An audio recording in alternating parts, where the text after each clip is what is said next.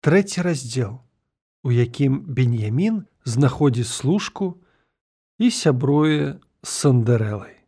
Гэты выпадак з беньямінам, які спрачыніўся да жончыных пакут і дзякуючы якому той трапіў на язык усяму мястэчку, не толькі не вытруціў з ягонай душы прагу да далёкіх краёў, а наадварот, укараніў гэтую схільнасць яшчэ мацней. Беньямін вырас у сваіх вачах як знаўца чалавечай натуры, адмысловец па надзвычайных становішчах, як чалавек дасведчаны, ён стаў паважаць сябе яшчэ больш за вытрымку перад цяжкімі выпрабаваннямі.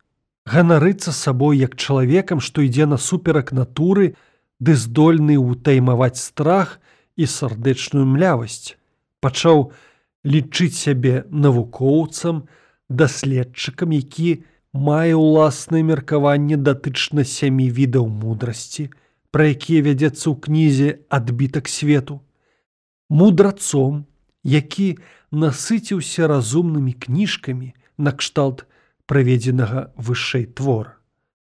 Беньямін пачаў жыва цікавіцца актуальнымі падзеямі за мяжой. І драць нос, маўляў, людзі такога маштабу, як ён, тут нібыта ружа сярод калючак. Ідзе, у дармаедаўцы, у глухмені, паміж прастакамі, якія сена ад саломы не адрозняць.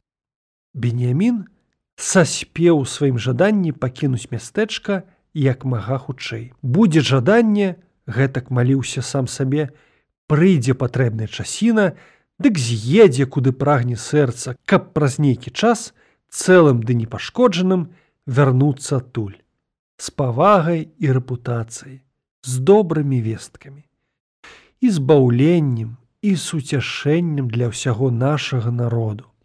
Вось тады і адкрыюцца вочы дармаедаўцам ад мала да вяліка, хто такі бенемін, у чым яго веліч і цнота.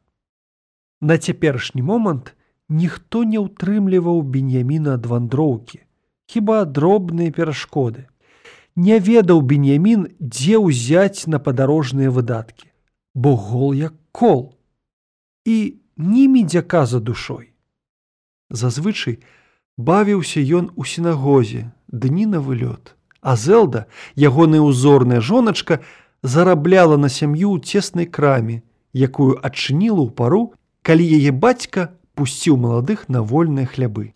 Але што ў краме за тавар, слёзы, калі б яна ў дадатак не вязала шкарпетак, ды доўгімі зімовымі начамі не шчыпала перыя, калі б не вытоплівала на пэясах гусінага смальца і не перакупала ўсякую драбязу ў знаёмых вяскоўцаў, што правозілі яе ў базарны дзень і не прадавала гэта з невялікім наварам, былі б у іх голыя прыгаршчы.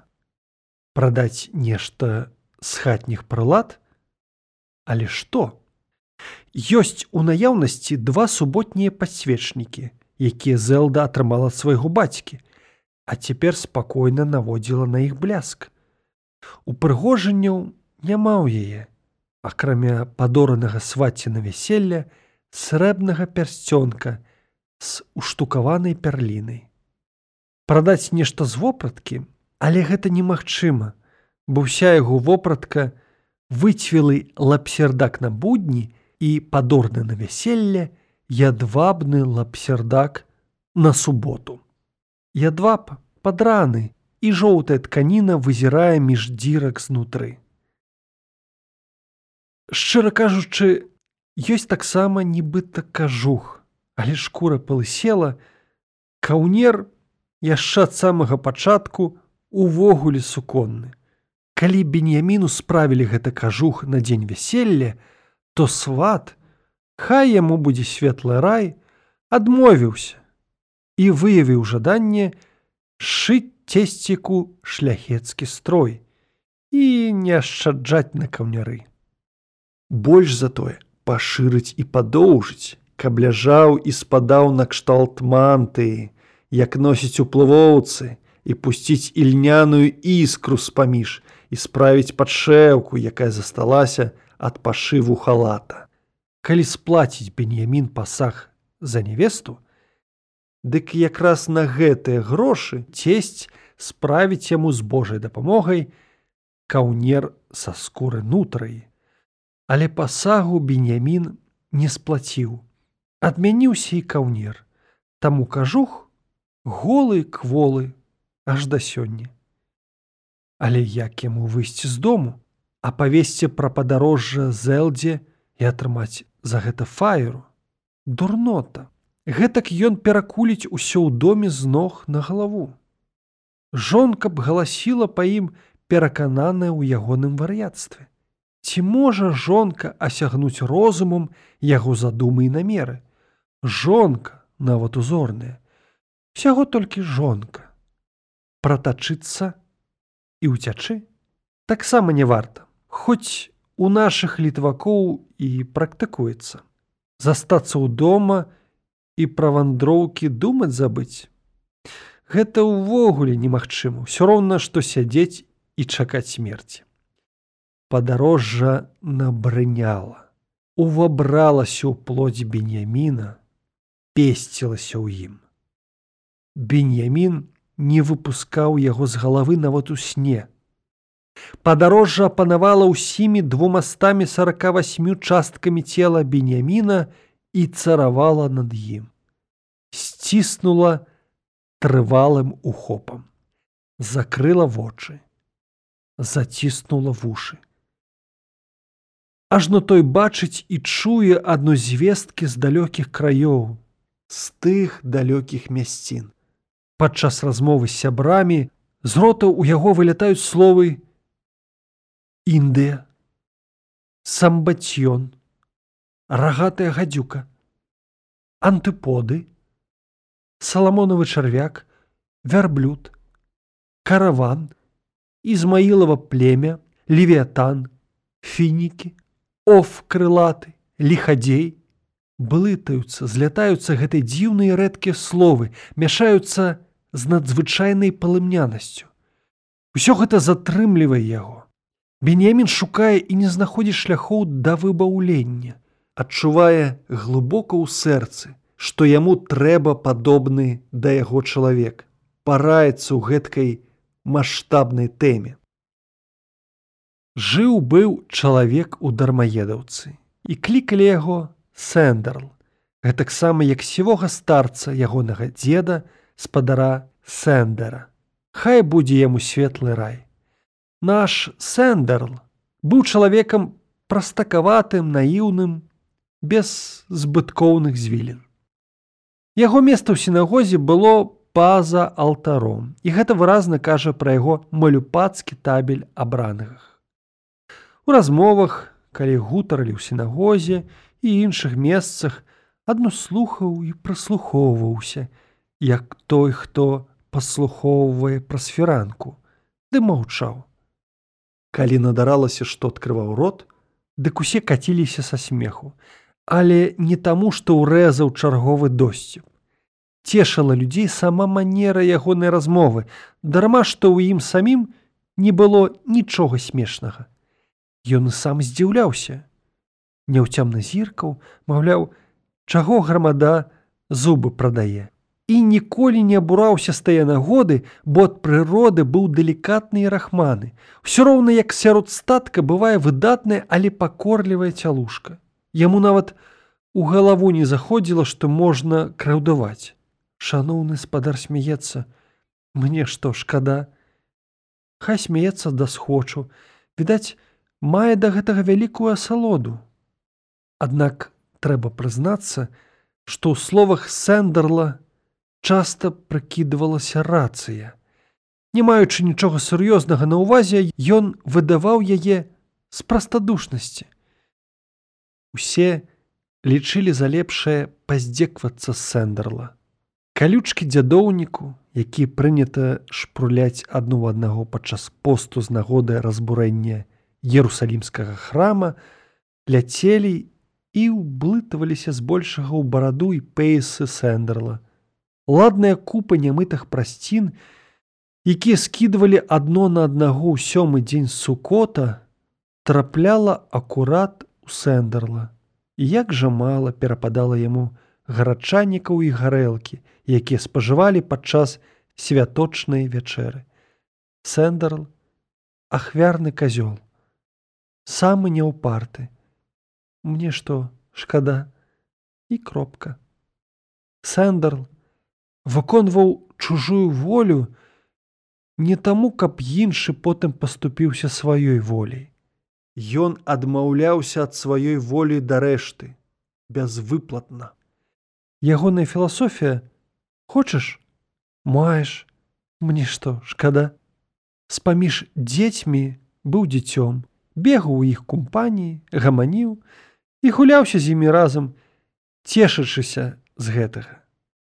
Нават сярод іх быў як пакорлівая цялушка, якая дазваляе ездзіць на спіне і драпаць твар.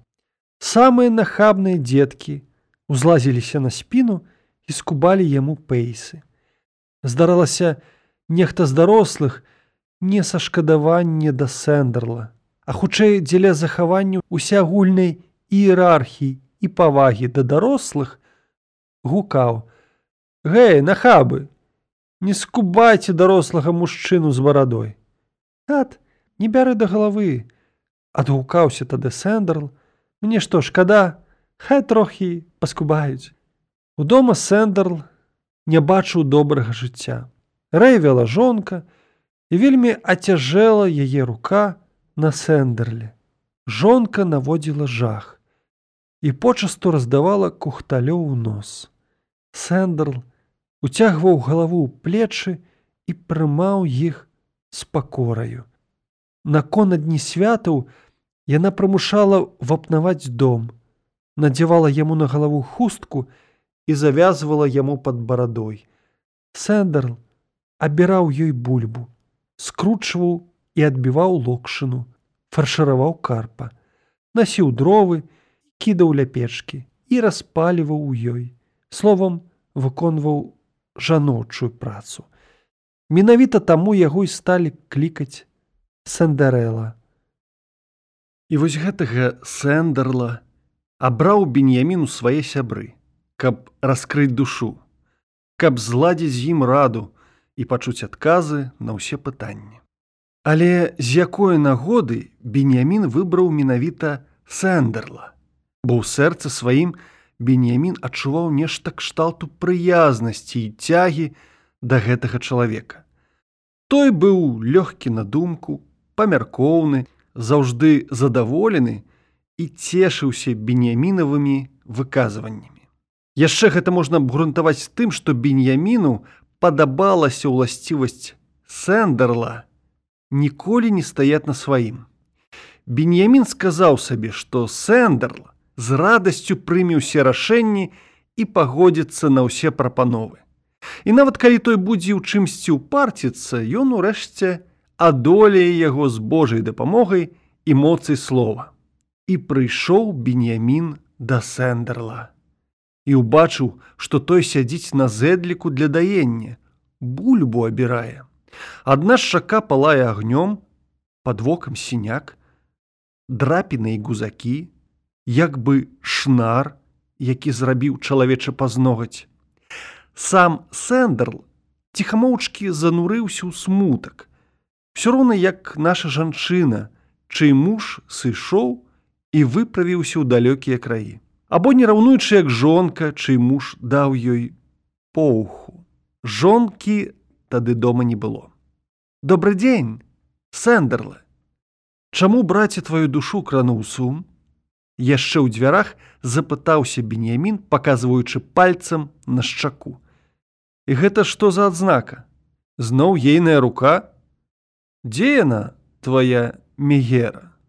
На рынку О чароўная навіна на радасцях выгукнуў беньямін кін ты дружа адвечны свой бульбус. Хадзем у пакой пагамонім сам насам там нікога няма мне зараз не трэба каб над намі крукам згіналіся староннія.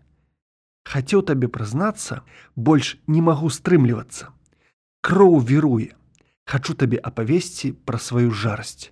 Дык хадзем хутчэй за мной, каб мігера раптоўна не прыйшла і не перарвала нас пасярэдзіне. Хочаш хутка, маеш хутка. Мне што шкада, сказаў Сэндерл і зайшоў пакой. Сэндерля, пачаў Бенямін. Скажы, ці ты ведаеш, што там па-за межамі дармаедаўкі? Там, там. Ясна ведаю, карчма спатыкач, можна дастаць трохі ніштаватай гарэлкі. Ну і ёлаб жа ты ніштаваты. Я пра далёкія мясціны значна значна далейшы за карчму. Не, далей за спатыкача не ведаю нічога, здзіўлена адказаў Сэндерл. Далей не ў курсе. А ты ці ведаю я, пытаешся. Ну ясна ведаю. Там канец свету. Загарачыўся бенемін усё роўна як калумб, што ўбачыў на даляглядзе Амерыку. І што там?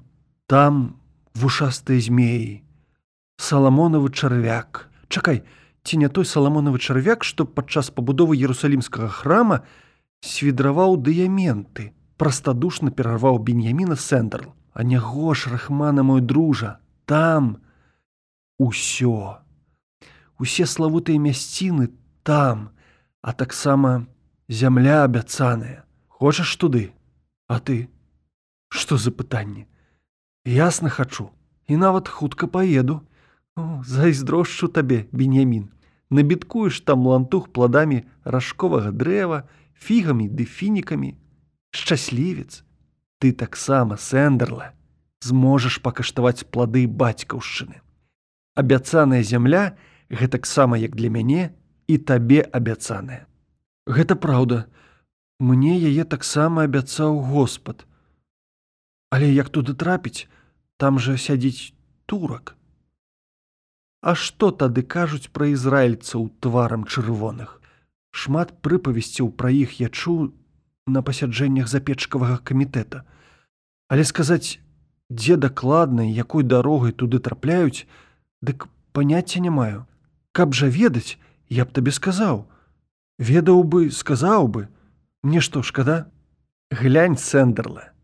Я ведаю, з гонарам сказаў беньямін, дастаўшы з-за пахі кнігу ерусалімавы праслаўленні. Паслухай, прачытаю табе, што напісана там. Па прыездзе ў Бейрут гэтак пісалася там. Я пазнаёміўся з чатырма бабілонскімі яўрэямі і размаўляў з адным з іх, што ведаў старадаўні іўрыт. Клікалі яго спадар Моше. І распавядаў ён праўдзівыя гісторыі пра самбацьён, каменную рэчку бо чуў ад сыноў ізмаілавых, якія бачылі на свае вочы тую рэчку, куды без сумневу трапілі сыны Маісеевы. І там яшчэ было напісана: І таксама гэты годны вяльможа, Хай яго скала захоўвае і дае жыццё, а павёў, што 30 гадоў таму спыняўся ў яго адзін сын з кален Сымона. І сказаў, што ў яго краі жыве 10 згубленых кален Ізраілевых, адно калена Ісхару вучыць біблію, і таго ж калена ў іх уладар. У дадатак у кнізе, што цяпер перад табой, у падарожжах бенеміна тудэльскага можна прачытаць наступнае. Ішоў адтуль 8 і яшчэ 20 дзён да гары нізбону, якая ля ракі газан, і сядзіць там чатыры калены: данава, звулонова, ашэрава і нафталіна. У іх свае дзяржавы і вялікія гарады ў гарах. З аднаго боку мяжуе з імі гара газан, і не жывуць яны па чужаземным ярмом, бо ў іх на чале Язэп Амаркела Галеві і заключаны хаўрус з уладаром язычнікам Эльторахам. І таксама там напісана сёе-тое пра рэхавітаў у краіне Емен, над якой пануе яўрэйскі кароль. Яны пасцяцца і моляцца Господу ўсімагутнаму, пра збаўленне Ізраілю. І цяпер даражэнькі, што калі, напрыклад, убачыць раптам мяне, свайго брата Беньяміна з дармаедаўкі, які прыйшоў сустрэць іх. Што скажаш на гэта сэндерла? Не бянтэся. Ім будзе страх як прыемна, Вось што я скажу табе Беньяміне. Такі ганаровы госць гады ў рады, Кожны запросіць цябе на абед, і кароль Амаркела абавязкова зладзіць пачостку, паказваючы вялікае багацце каралеўства і бляск сваёй велічы. Тады зарабі мне ласку прашу, перадай ім ад мяне прывітанне. Калі б я мог, далі Бог, я пайшоў бы за табой туды і пойдзеш. Паклікаў ды горача запрасіў яго бенемін, маючы ў галаве думку, што там нарадзілася. Даражэнькі сэндерла. Сапраўды, каб жа ты далучыўся да маёй вандроў, цяпер дурненькі самы час. Хай там што, я зараз туды іду і возьму цябе з сабою. Ёлупе, удвух жа весялей. Нашто вяртацца сюды, ты дурненькі, цягнуць ярмо гэтай мегеры. Глянь, што сталася з тваёй шчакой. А вогце табе, я вогце тваёй душы, доля твоя гаротная, гаркотны твой лёс. Паслухай мяне, сэндерле, Встань і ідзі. Упэўнены, не раскайся. Хочаш? Маеш. А наконт яе, то бок жонкі. Мне што, шкада, Я што, дурны, каб казаць, куды пайшоў. Мая душа і дух мой усцешана загукаў бенемін. Можна я дам табе буську. Абдымаючы сандэрэлу з замілаваннем, Бенемін усё ж задаў сваё пякучае пытанне. Гэтаксама як ты, я выгукаю, што мне тая жонка, але яшчэ такое пытанне. Дзе ўзяць грошай на дарогу? Грошы на дарогу? Дык ты што, бенеміне, маеш намеры справіць нам новыя шаты ці паднавіць нашы старыя лапсердакі? Ці ты не чуў, як я казаў, што ў гэтым няма сэнсу. Наадварот, для падарожных людзей найлепш пасуе трэсці латамі. А па прыходзе туды нам справіць новыя прыгожыя лапсердакі. Сапраўды, там няма пра што будзе турбавацца. Але пакуль мы туды прыйдзем, нам трэба крыху грошыкаў для сілкавання. Чаго ты бенеміне так пераймаешся наедкам? Ты хіба пацягнеш за сабой кухню. На чорта, хіба няма табе заезных дамоў па дарозе. Не зусім разумею цябе, сэндерле, няўцямна прамармытаў бенемін. На ўвазе я маю, што па дарозе будзе прытулак, проста адказаў сэндерл. Што робяць нашы людзі? Старцуюць па хатах сваіх братоў. Сёння гэты дом, заўтра гэны, трэці заўтра, ні сораму, ні ганьбы, тьху-тьху-тьху, барані і даруй Божа, бо гэткія нашыя традыцыі, гэткае рамяство. Добра пяеш, падперці душу умееш, сцешыўся бенемін. Я цяперка як новы гатовы, ўсё маю пад рукою дзякаваць Богу. Сёння на досведку, калі ўсе будуць спаць, зможам выправіцца ў дарогу. Нашто губляць марна час? Хочаш заўтра? Маеш заўтра, мне што шкада, сёння на досведку я неўзаметкі вырушу з дому. І на руінах ветрака буду цябе чакаць сэндерла заўтра на світанку як прачнешся прыходзь сюды згода гэта вельмі важна паўтарыў беньямін і пакіраваў да дзвярэй. Чакай пачакай бенемін яшчэ трошки сказаў сэндерл пашны пары ў халаце і выцягнуў адтуль кавалак бруднай скуры капшук з усіх бакоў усеяны вузлікамі. Беняміне, вось мой капітал. Грошы, якім мне ўдалося схаваць ад пільнага вока жонкі, ад часоў вясельнага балдахіна і аж да сёння. Гэтых грошыкаў хопіць нам на пачатак вандроўкі. А вось цяперака ты праўда заслужыў буську. З ног да макаўкі пакрыю цябе пацалункамі. Усцешана загукаў бенемін, абняў сандарэлу, і абдарыў яго пешчамі і мілошчамі. А каб вам тое, што я думаю, толькі гляньце на гэтых саладзенькіх галубочкаў на іхнія муцы пуц і цюхці мухці. Стаяць сабе прытыркі абдымаюцца, а тым часам у дом залез казёл і жарэ бульбу, каб яго чарвякі паелі. Пачаўся раптам гучны крык. Гэта кляла жонка сэндерла. Злосці поўныя косці Адна рука ўзнятая па-над казлом. Другая, у кірунку сэндерла, вабіць яго пальчыкам. Сэндерла, б'е дрыготка, Ён ступае нясмела, нервануючы хлопчык, які нарабіў шкоды, ды мусіць ісці да ганебнага слупа з розгамі. Мацуйся, дружа. Гэтакая кара табе ў апошні раз. Шапнуў, нахіліўшыся беньяміну вушу сэндерлу. Памятай, заўтра. І ну з хаты. Пра яўрэйскае пекла. Яўрэйскі бестыярый, спіс фантастычных істот і месцаў, вядзе свой радавод ад бібліі. Там і левіятан, і танін, і оф крылаты, і саламонавы чарвяк, той, што свідраваў дзіркі ў дыяментах, ды пра якога да канца не ясна, ці была гэта жывая істота ці прылада ювеліра. І шэола праметная, яўрэйская тагасветная біялогія і геаграфія да таго развітыя, што паводле мемуарыста ехескела коціка, настаўнік меламет у каменецкай школе маляваў падрабязную схему пекла, адзначаючы на ёй дакладнае месцазнаходжанне дзвярэй. Трэба меркаваць гаворка пра дзверы пажарнага выйсця.